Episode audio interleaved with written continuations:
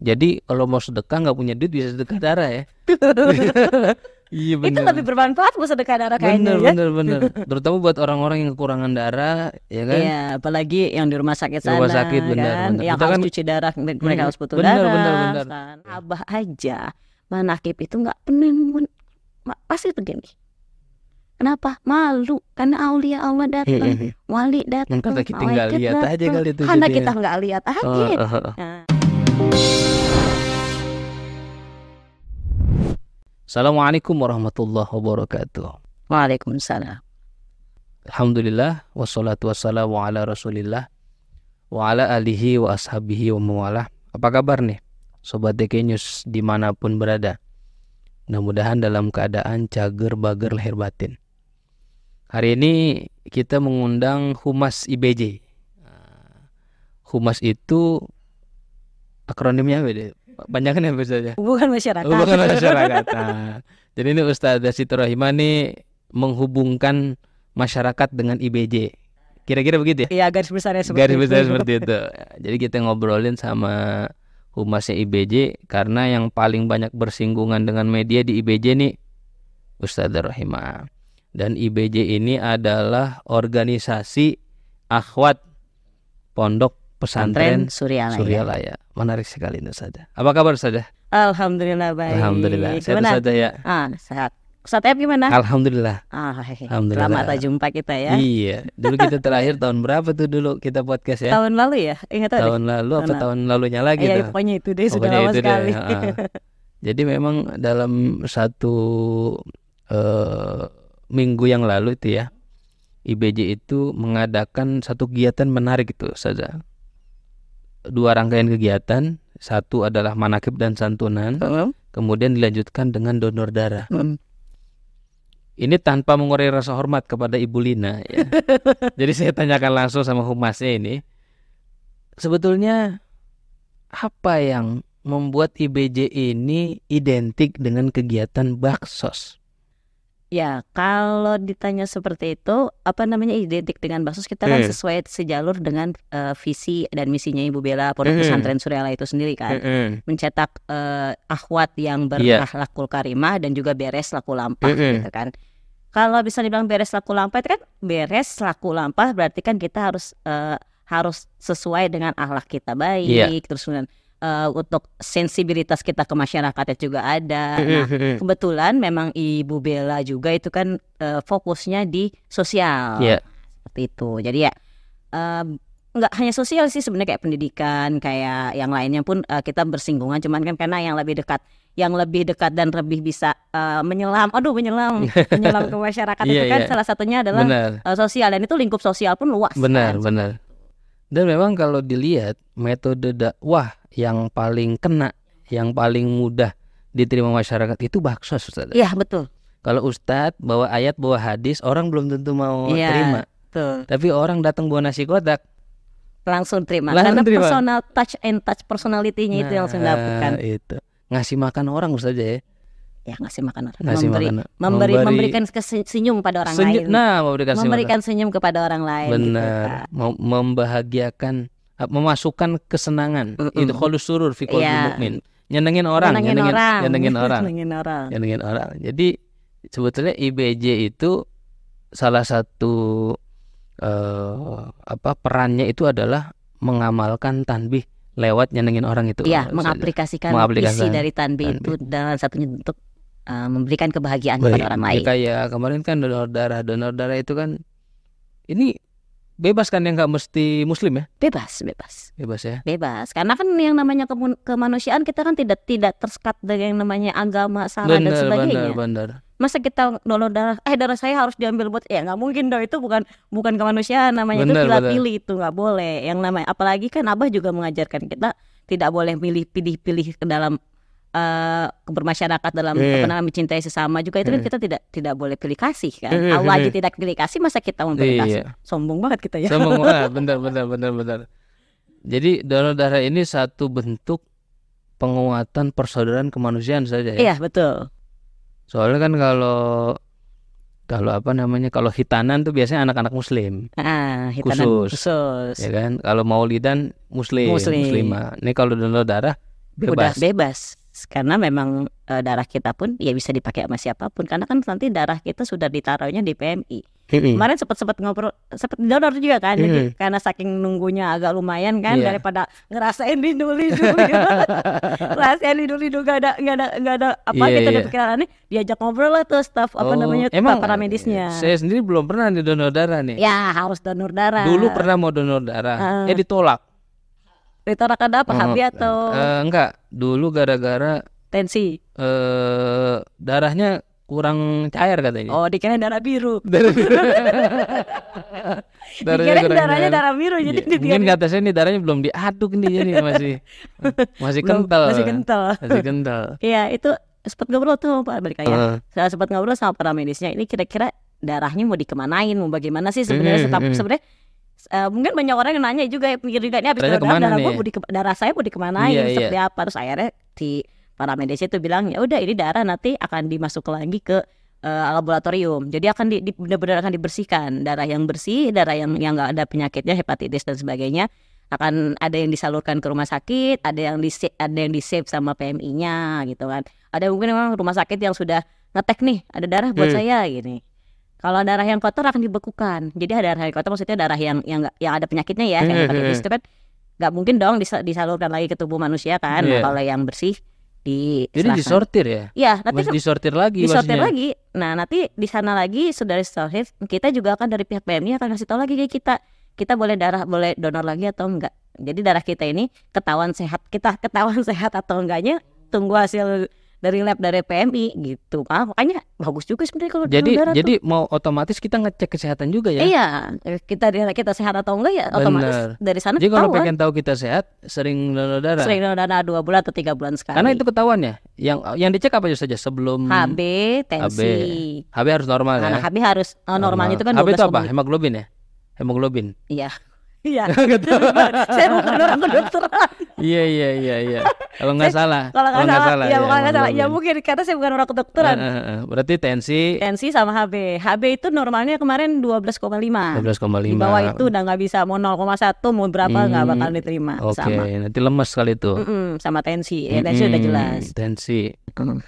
Itu sebenarnya eh nanti darah kita kan berkurang tuh. Itu dampak buruk tuh ke badan kita tuh? Enggak dong, kan ke ini lagi-lagi ya referensi dari apa namanya eh, sanatnya. Wih, Iya sanatnya. iya. Ini orang PMI ya? Sanatnya, sanatnya Oh, iya. orang PMI. Iya jelas deh. dari tim medis, sanatnya nih Ah. dari tim medis. Hmm. eh, kata beliau itu di, da- di dalam tubuh manusia itu ada 5 liter darah. Nah, Lima karena liter ada ya? 5 liter Lima tiap liter. tubuh kita punya 5 liter. Jadi kalau donor darah hanya diambil 300 eh, 300 250 sampai 300 cc ya nggak akan kenapa-napa lah, cuma diambil seperempatnya juga nggak nyampe kali. Iya iya. Ya udah nanti nanti setelah itu eh, hanya terkurang terkurang 300 cc tiga bulan ada dua, dua bulan atau tiga bulan kemudian kalau kita akan balik lagi 5 liter lagi. Oke Jadi, isi penuh lagi. isi penuh lagi. Ya itulah ke Luar biasa. luar biasanya Allah kan. Ja- Jadi darah manusia itu dia stuck di 5 liter aja ya? Ya. Menurut beliau. Jadi kita mungkin, keluarin- mungkin bisa, lebih- bisa lebih ya nggak tahu Ma- tapi eh, referensi dari beliaunya Hmm. dalam dalam tubuh kita itu Yang jelas 5 kalau di kalau dikeluarin nanti balik lagi. Iya, walaupun keluarin balik lagi. Balik lagi. Jadi kalau mau sedekah nggak punya duit bisa sedekah darah ya. iya Itu lebih bermanfaat buat sedekah darah kayaknya Bener ya. bener bener. Terutama buat orang-orang yang kekurangan darah, ya kan? Iya, apalagi yang di rumah sakit sana rumah sakit, benar, kan, benar. yang Kita harus kan- cuci darah, mereka Hmm, harus butuh benar, darah, benar, benar. kan. Kita kadang miris juga tuh kalau dapet apa di medsos itu dibutuhkan darah golongan Ini, ini. rumah sakit kosong. Rumah sakit gitu. kosong, aduh. Itu dia Jadi yang memang dari darah itulah kita belajar eh belajar untuk berbagi. Jadi da- darah kita pun bisa kita bagi ya. belajar untuk merasa juga, Belajar untuk merasa. merasa penderitaan orang bagaimanapun punya orang. Benar-benar. Itu kalau udah donor darah nih, itu apa supaya balikin badan itu makan atau minum apa? gitu? Yang manis-manis sih. Yang ah, manis-manis harus ya? minum. Jadi setelah donor langsung Iya. istirahat dulu gitu ya beberapa Iya. menit setengah jam. Pasti akan disediakan disediain itu teh manis dan itu eh, teh manisnya jangan yang nggak manis banget harus, harus benar-benar manis banget benar-benar manis. Oh yang manis ya? manis. Makanya dari pihak eh, PMI-nya pun kemarin ngasih goodie bag-nya susu, jus, yang manis-manis tuh, Iya. susu, jus sama biskuit. Ya lah, Iya, iya. manis semua kan kalau kita minum, Iya, kita iya. makan. Kemarin Gitu. berapa yang donor tuh? Kemarin terdaftar sih 73 ya, yang 73. terdaftar 73, Oh. cuman yang yang habis yang lolos screening 46 itu udah lolos screening udah benar-benar di donor 46an. Oh, jadi banyak juga yang nggak lolos Oh, berarti ya. banyak banget yang gak lolos rata-rata HB sama HB. tensi. Kurang makan hati ayam kayak gitu. Kurang susun hati ayam. Mudah-mudahan yang nggak lolos bisa lolos nanti di iya, tahap selanjutnya itu, itu nanti. karena memang seperti itu kemarin biasa ada nih salah satu pengurus Ibu Bella dia tiap donor darah selalu ditolak karena HB. Oh, rendah. Kemarin donor darah lolos. Alhamdulillah. Nah, kan Alhamdulillah. tidak menutup kemungkinan walaupun tahun bulan ini kita nggak lolos, nanti bulan depannya Hmm. lagi kita lolos seperti itu. Iya. Oke. Kita donor darah eh, udah selesai dulu. Yang saya pengen tanya ini penasaran tuh kenapa di ulang tahun yang keempat itu selalu ada namanya manakib di IBJ itu. Kenapa selalu ada manakib? Iya. Karena manakib itu seperti sebuah charger. Charger. Dan juga manakib itu kan salah satu amaliyah yang diberikan oleh Guru Agung Pengarsa Abah. Iya. Iya kan? Amaliyah yang diberikan sama Abah ada berapa sih? Ada Mm-mm. tiga. DKM itu ya. Ada man- bul- ada mingguan, ada bulanan, Ada harian. ada ada harian, ada Hmm. ada empat malah. Empat. Ada mingguan, Hmm. eh, ada harian, ada mingguan, ada bulanan, Bulan ada tahunan. Ada tahunan. Minggu harian dikir. Pikir. Malah ada detik kalau saya bukan bukan empat, saya malah lima. Apa itu? Detikan, mi- harian, Oh, itu. mingguan. Detikan. iya, loh, Luar di biasa. kilo, di kilo kan Iya kita iya harus iya iya. detik kan. Iya iya Iya, iya. Kalau kalau kalau kata eh, abah eh, itunya dari abah ada empat, kalau saya saya maunya nambah satu kan. Oh, Kalau ya. saya mau ya maksudnya Iya. menurut saya malah saya, untuk saya diri pribadi itu Hmm. lima. Iya. Ada detik, ada men- ada hari, ada minggu, ada bulan, ada tahun. Oh, detik tuh bisa masuk ke hari kali itu ya. Iya, di kan mainnya lagi, detik iya, kan. iya. Kalau Ah. kita ingetnya cuma Lebih mikro lagi ya. iya kalau kita ngambilnya seharian berarti cuma Iya, sehari doang Iya, kan sehari kita udah dikit. benar benar. Iya kan kalau kita pikirin Iya. wah ya dikir hobi itu harus detik Iya. ya. berarti kan tiap Ah. detik kita langkah, kita detik, kita ke mana, mau Iya, bangun iya. tidur, ah. hobi terus harus jalan karena Benar benar. karena matinya hobi itu adalah kita Allah. seperti ma- mayit. Matinya Hovi kita seperti mayat. Iya. Kita orang yang sudah ditalkin adalah orang yang sudah bela- belajar mati sebelum mati kan. Kita Hmm, belajar mati sebelum mati. Kalau misalnya dikir hobinya kita mati, ya Hmm. kita ibaratkan kita seperti mayat hidup. Hmm, gim- Gimana terus saja? Mati sebelum mati itu Ya gimana? kita belajar mati sebelum mati kan kita harusnya yang belajar mati sebelum mati itu adalah kita bagaimana kalau misal orang yang sudah meninggal itu kan kita sudah tidak bisa bergerak apa pun. Hmm, hmm, hmm. Kita sudah tidak bisa beraktivitas apa pun, Iya. tangan, kaki semua oh, eh, akal dan sebagainya Iya. sudah tidak bisa digunakan lagi kan. Iya. Yang yang bisa yang bisa membantu kita untuk itu kan adalah ruh. Iya, Dikir di situ kan. Hmm. Nah, kalau misalnya kita eh, kita belajar, kita alih apa namanya? kita kita asah dari kita pas hidup. Iya.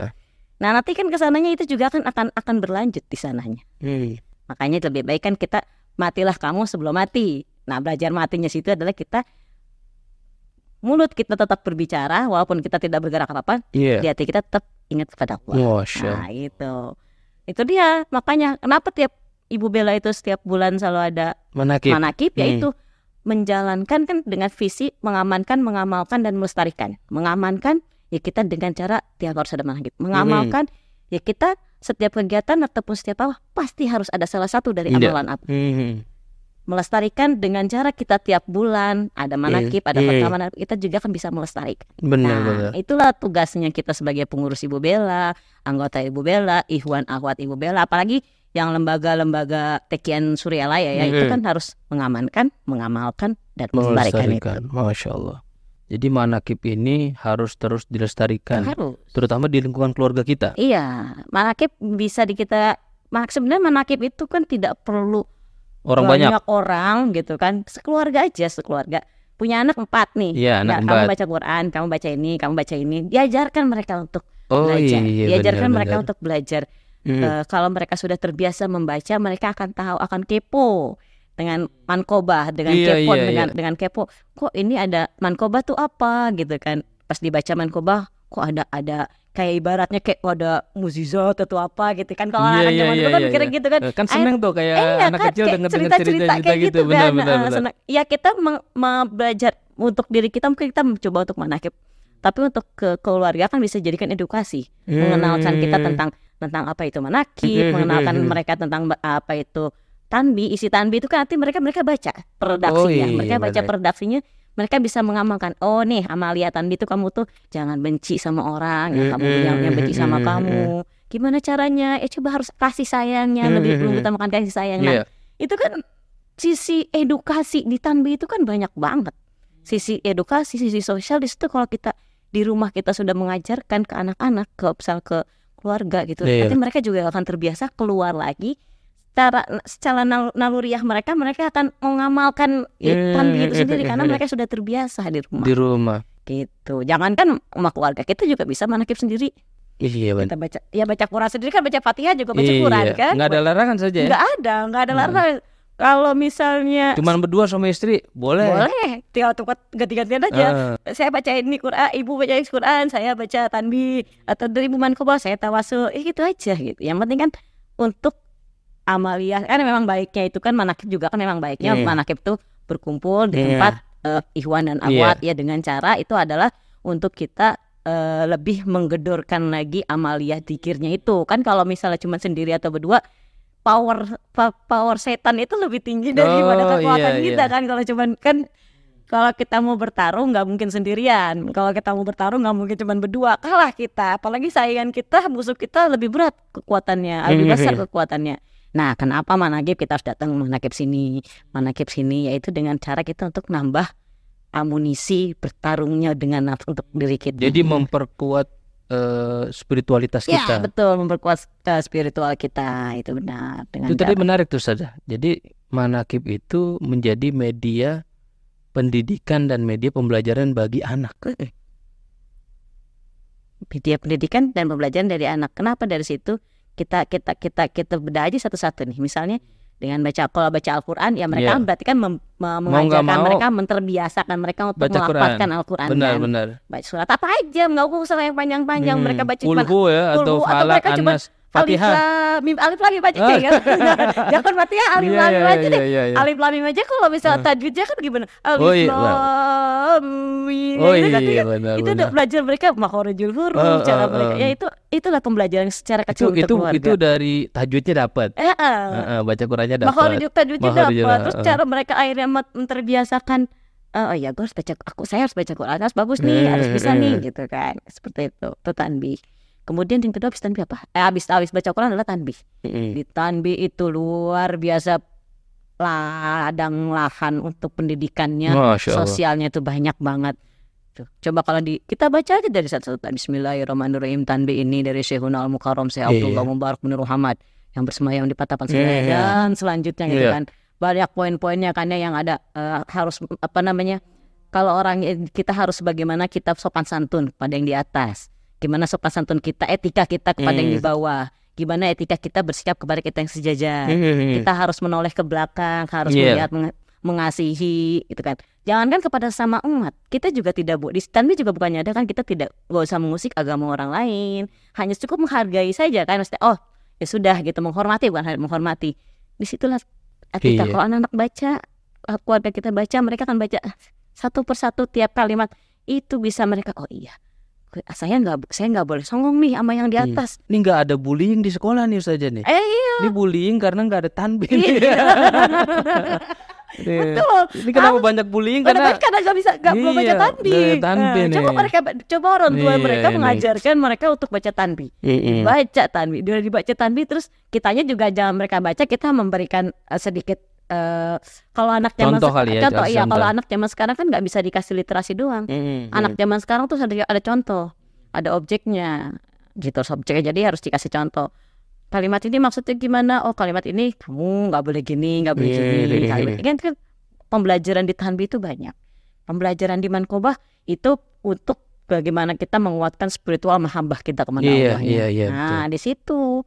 Ya kalau zaman SD dulu ingat dulu kita kalau hari Senin tuh baca undang-undang itu kan. Ah, Itu kan buat penguatan tempat penguatan diri nasionalisme kita kan. nasionalisme kan. Nah, Iya, ini Ini baca tanbih baca ya. tanbi plus baca mankoba penguatan kita secara dohirnya untuk kepribadian kita dan untuk apa sosialisasi kita ke masyarakat mankobanya di- ditambah lagi kita apa dengan ditambah lagi tawasul kita untuk ngecas diri kita ruh kita untuk manteng terus pantengin terus hobinya terus ya itu tuh pantengin Kayaknya, terus ke perlu Allah. kita buat lomba pembaca tanbih nih. lomba baca tanbih nih buat anak-anak nih kan. buat anak-anak Buat Eh, anak-anak. boleh juga idenya nih ntar lah di Matakin Surya Laya nih haul berapa nih ke Milad ke berapa nih iya nih.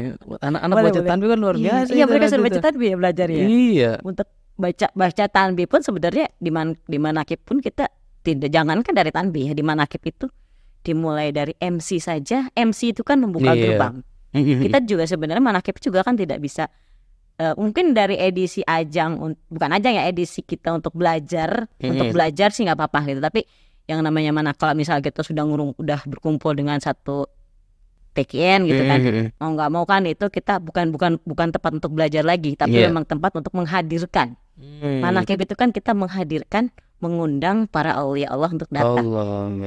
Kalau kita menghadirkan, mengundang para aulia Allah untuk datang ke majelis kita, berarti kan kita juga sebagai MC-nya kita harus yang benar. Yang baca Qur'annya juga harus yang benar. Yang baca tanbihnya untuk kita bisa eh, introspeksi dirinya pun harus yang harus yang baca tanbih nggak perlu nangis, nggak perlu nangis.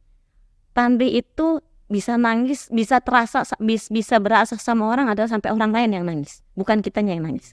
Petugas itu tidak perlu baca tanbih langsung sampai nangis, enggak Iya. tapi bagaimana apa yang kita baca, apa yang kita Sampai sampaikan gitu ya. sampai Hmm, ke Getarannya hati, itu. getarannya. orang lain. Nah itu kalau sampai mereka yang nangis itu baru sukses. Tapi nangisnya bukan nangis nangis karena nangis nangis Karena ketika dibacakan tanbih itu kan kita seakan-akan melakukan refleksi. betul betul betul. Muhasabah Maha gitu. muhasabah diri kan gitu kan saking du- tunduk kita ya- yang baca yang petugasnya baca man, baca baca itu ininya kan ma- man- tanbih dan sebagainya yang mendengarkan juga kan mereka tidak ada kan etika untuk manakib itu kan etika handphonenya jangan pengen jangan main Oh, handphone iya. jangan jangan jangan ngobrol Eh, eh, eh. jangan petakilan jangan pecicilan Iya, iya. karena apa karena kita mengundang aulia Iya, Allah iya. abah aja manakib itu nggak pernah pasti begini kenapa malu karena aulia Allah datang wali datang Mungkin kita nggak lihat aja datang. kali itu karena kita nggak lihat aja Oh, oh, oh. nah itu makanya jangan jalan-jalan kecuali memang tugasnya misalnya di suatu tempat majelis taklim dia misalnya tugasnya jadi tukang kameramen Iya, misal iya, misalnya gitu nah itu atau itu keamanan ya. Ah, atau keamanan itu pun juga seharusnya pas Hmm. ada manakib tuh diem duduk Mm-mm. Kalaupun- Kecuali ada tertentu ya, Mm-mm, tertentu. kecuali ada tertentu yang memang harus harus, banget yang Hmm. urgent banget harus keluar baru Hmm. nah kalaupun yang jadi misalnya harus sekarang suka ada yang di di shoot gitu kan manakib kan ada yang di yang di yang di live streaming gitu kan Iya. ya itu cukup aja kameranya dianya mah duduk gitu Iya, jadi melatih anak untuk khidmat, meningkatkan daya konsentrasi. iya Sekarang orang jangankan manakib, orang khotib jumatan main HP. nah itu dia kan Iya benar. Jadi kita melatih anak diri kita tuh supaya berpisah dulu lah dari gadget ya. Mm-mm, Karena an- anak tuh udah sama gadget tuh udah kayak ada Udah- udah rantainya, aja. soulmate udah iya udah nempel aja kayaknya Iya. HP tuh di sini tuh. Ya Allah. Terus tadi MC, kemudian baca Quran, tanbih, lanjutnya? Kok Pak tawasul kan? Tawasul. tawasul ya itu dia tawasul. Nah di tawasul itu kan kita mengajarkan mereka juga kan eh untuk menggapai untuk bisa untuk bisa berkomunikasi sama Allah. Kita kan tidak bisa langsung sendirian. Langsung sampai aja pengen kita mau nyalain lampu aja nggak mungkin lampu nyala gitu kan. Iya, harus iya, ada iya. perantara. Iya iya. Ya, harus ada perantara. Nah kita juga nanti akan mengajarkan ke anak kamu kalau misalnya mau ketemu mau, mau berkomunikasi sama Allah. Hmm. jadikanlah Allah sahabat kamu. Ibaratnya kan gitu kan. Maksudnya ya, pola didik bagaimana kita untuk mendidik anak juga kan nantinya kan Hmm, cara-cara Iya. kita berkomunikasinya kan.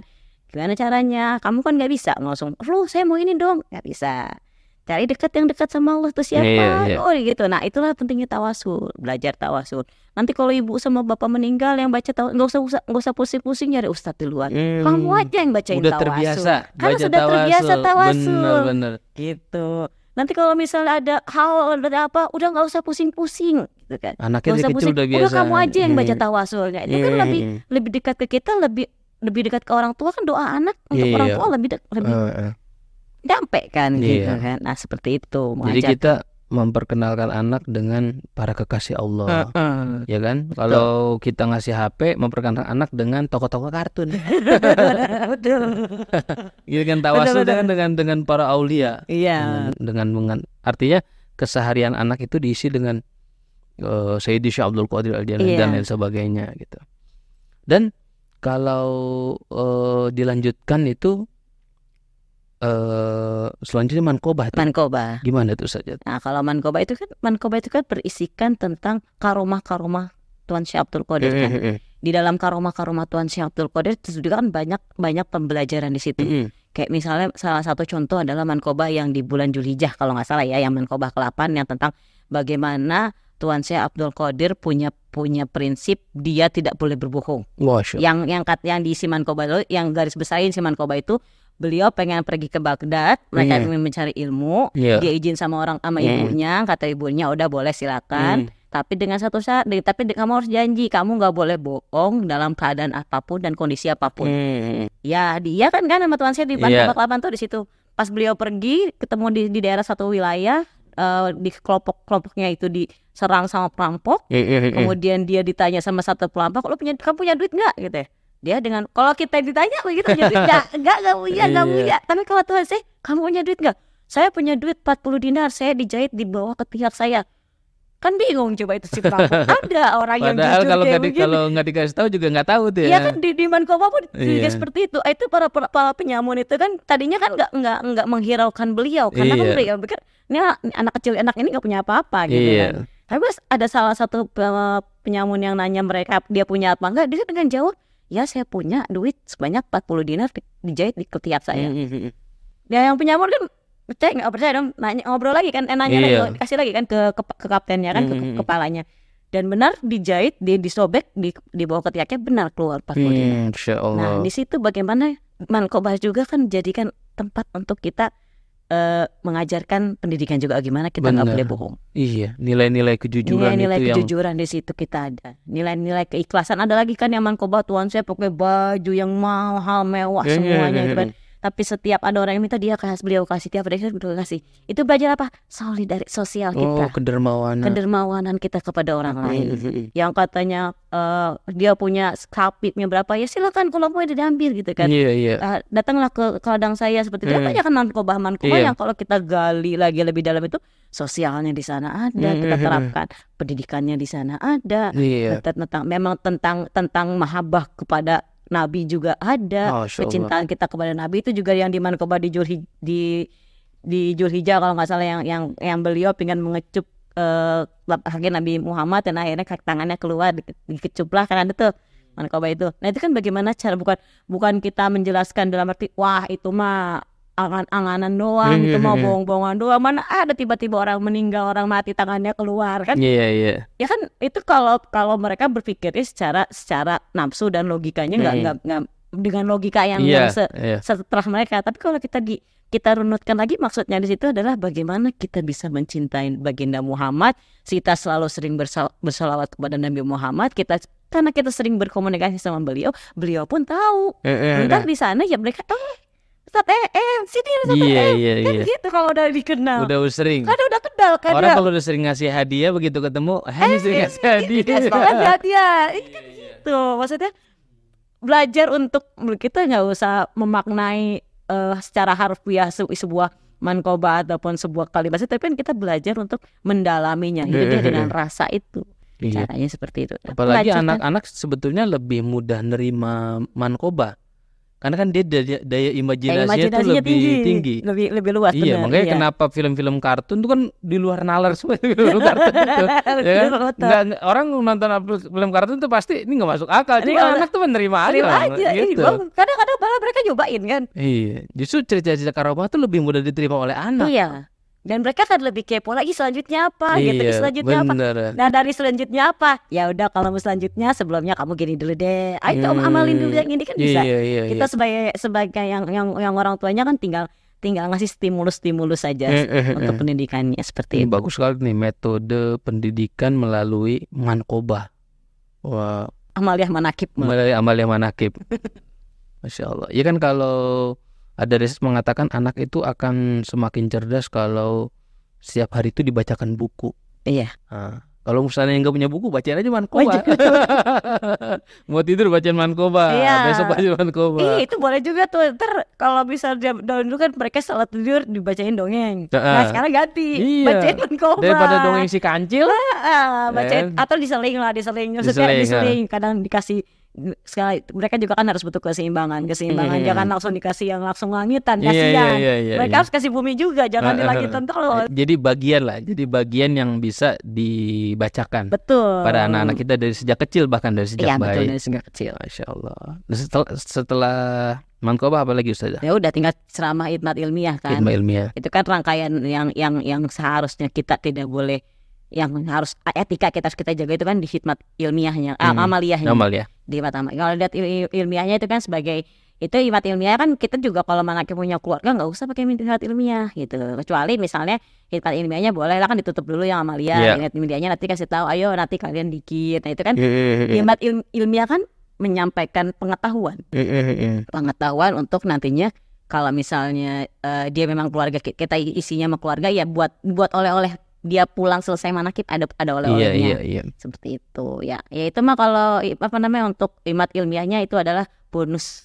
Bonus, bonus bonus untuk ya itu dia bonus stimulus. Bonus bonus. nah, mereka udah diajarin amalia ilmiahnya kita jelasin. Di di ilmiah di, di ilmiah inilah kita jelasin amalia kenapa? Makanya abah tuh selalu yang namanya hikmat ilmiah itu ceramahnya itu jangan selalu jangan keluar dari tema manakib ceramah itu banyak di mana pun beda. Ceramah dengan tema apa pun banyak. Iya. tapi yang namanya saat manakib manakib itu lebih baik adalah kita berhikmat ilmiah itu menjelaskan lagi memperdalam lagi bagaimana kita bisa berzikir yang baik kemudian bagaimana kita ngerasa bagaimana cara kita untuk mahabbah bagaimana etika kita bermanakib. Pak, itulah isi isi isi dari isi dari hikmat ilmiah itu Mm-mm. sendiri.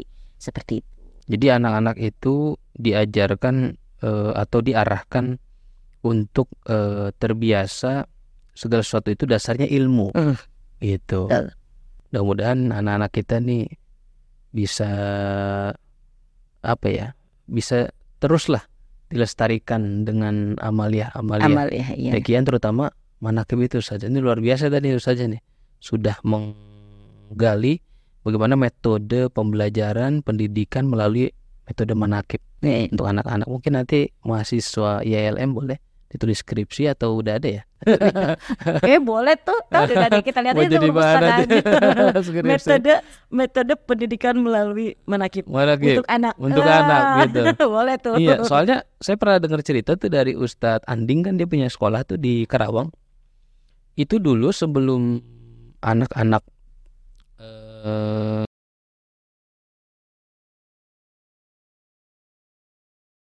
kurang tenang, tapi setelah anak itu setiap setiap minggu atau setiap hari gitu ya, ada eh setiap ming, setiap Senin kalau nggak salah ada manakib gitu ya, itu anak tuh jadi lebih tenang. Hmm. Jadi rupanya ada korelasi juga antara manakib dengan perilaku anak. iya Luar karena biasa kan itu. di manakib itu kan ibaratnya kalau bahasanya energi energi positifnya banyak Masya Allah. anak-anak kan menyerap energi akan akan lebih menyerap energi positifnya gitu jangankan mereka dulu saya juga saya bi- bisa bisa berbicara seperti ini karena memang pengalaman saya dulu juga bapak saya yang nah mungkin saya pernah cerita yang yang Iya. nggak bisa kalau anak ini nggak boleh harus diseret ikut manakib dari kecil. Iya, iya, iya. Diseret ikut manakib itu manakib dari dari ikut manakib diseret dimarahin. Ya kayak gitu. Jadi merasa karena dari kecil saya sudah dibiasakan mendengar yang namanya manakib, Iya. isi-isi isi dari manakib manakib itu sendiri. Ya seperti ini sekarang. iya, iya, iya. Jadi justru eh, itu mengakar kuat, Iya, menempel jelas menempel ya. jelas ya. Masya Allah. Ustazah makasih banyak nih. Oh, sama-sama. Saya juga terima Ini kasih ya, banyak. keluar nih ilmunya nih. Mudah-mudahan nih bisa bermanfaat untuk kita semua dan Amin. kita bisa terus mengamalkan, mengamankan dan melestarikan ajaran Ajaran. Tekian Pondok Pesantren Suryalaya. Pengersaban Om. Terima kasih Terima kasih juga. sobat TKI News. Iya. Terima kasih Ustazah. Iya, kita jumpa kasih. lagi lain kesempatan saja ya. Iya, Nanti siap. kita ngobrolin yang lain lagi. Boleh, boleh. Nanti kita jumpa lagi lain kesempatan. Dukung terus channel TK News. Mudah-mudahan cager bager lahir batin semuanya. Assalamualaikum warahmatullahi wabarakatuh. Waalaikumsalam warahmatullahi wabarakatuh.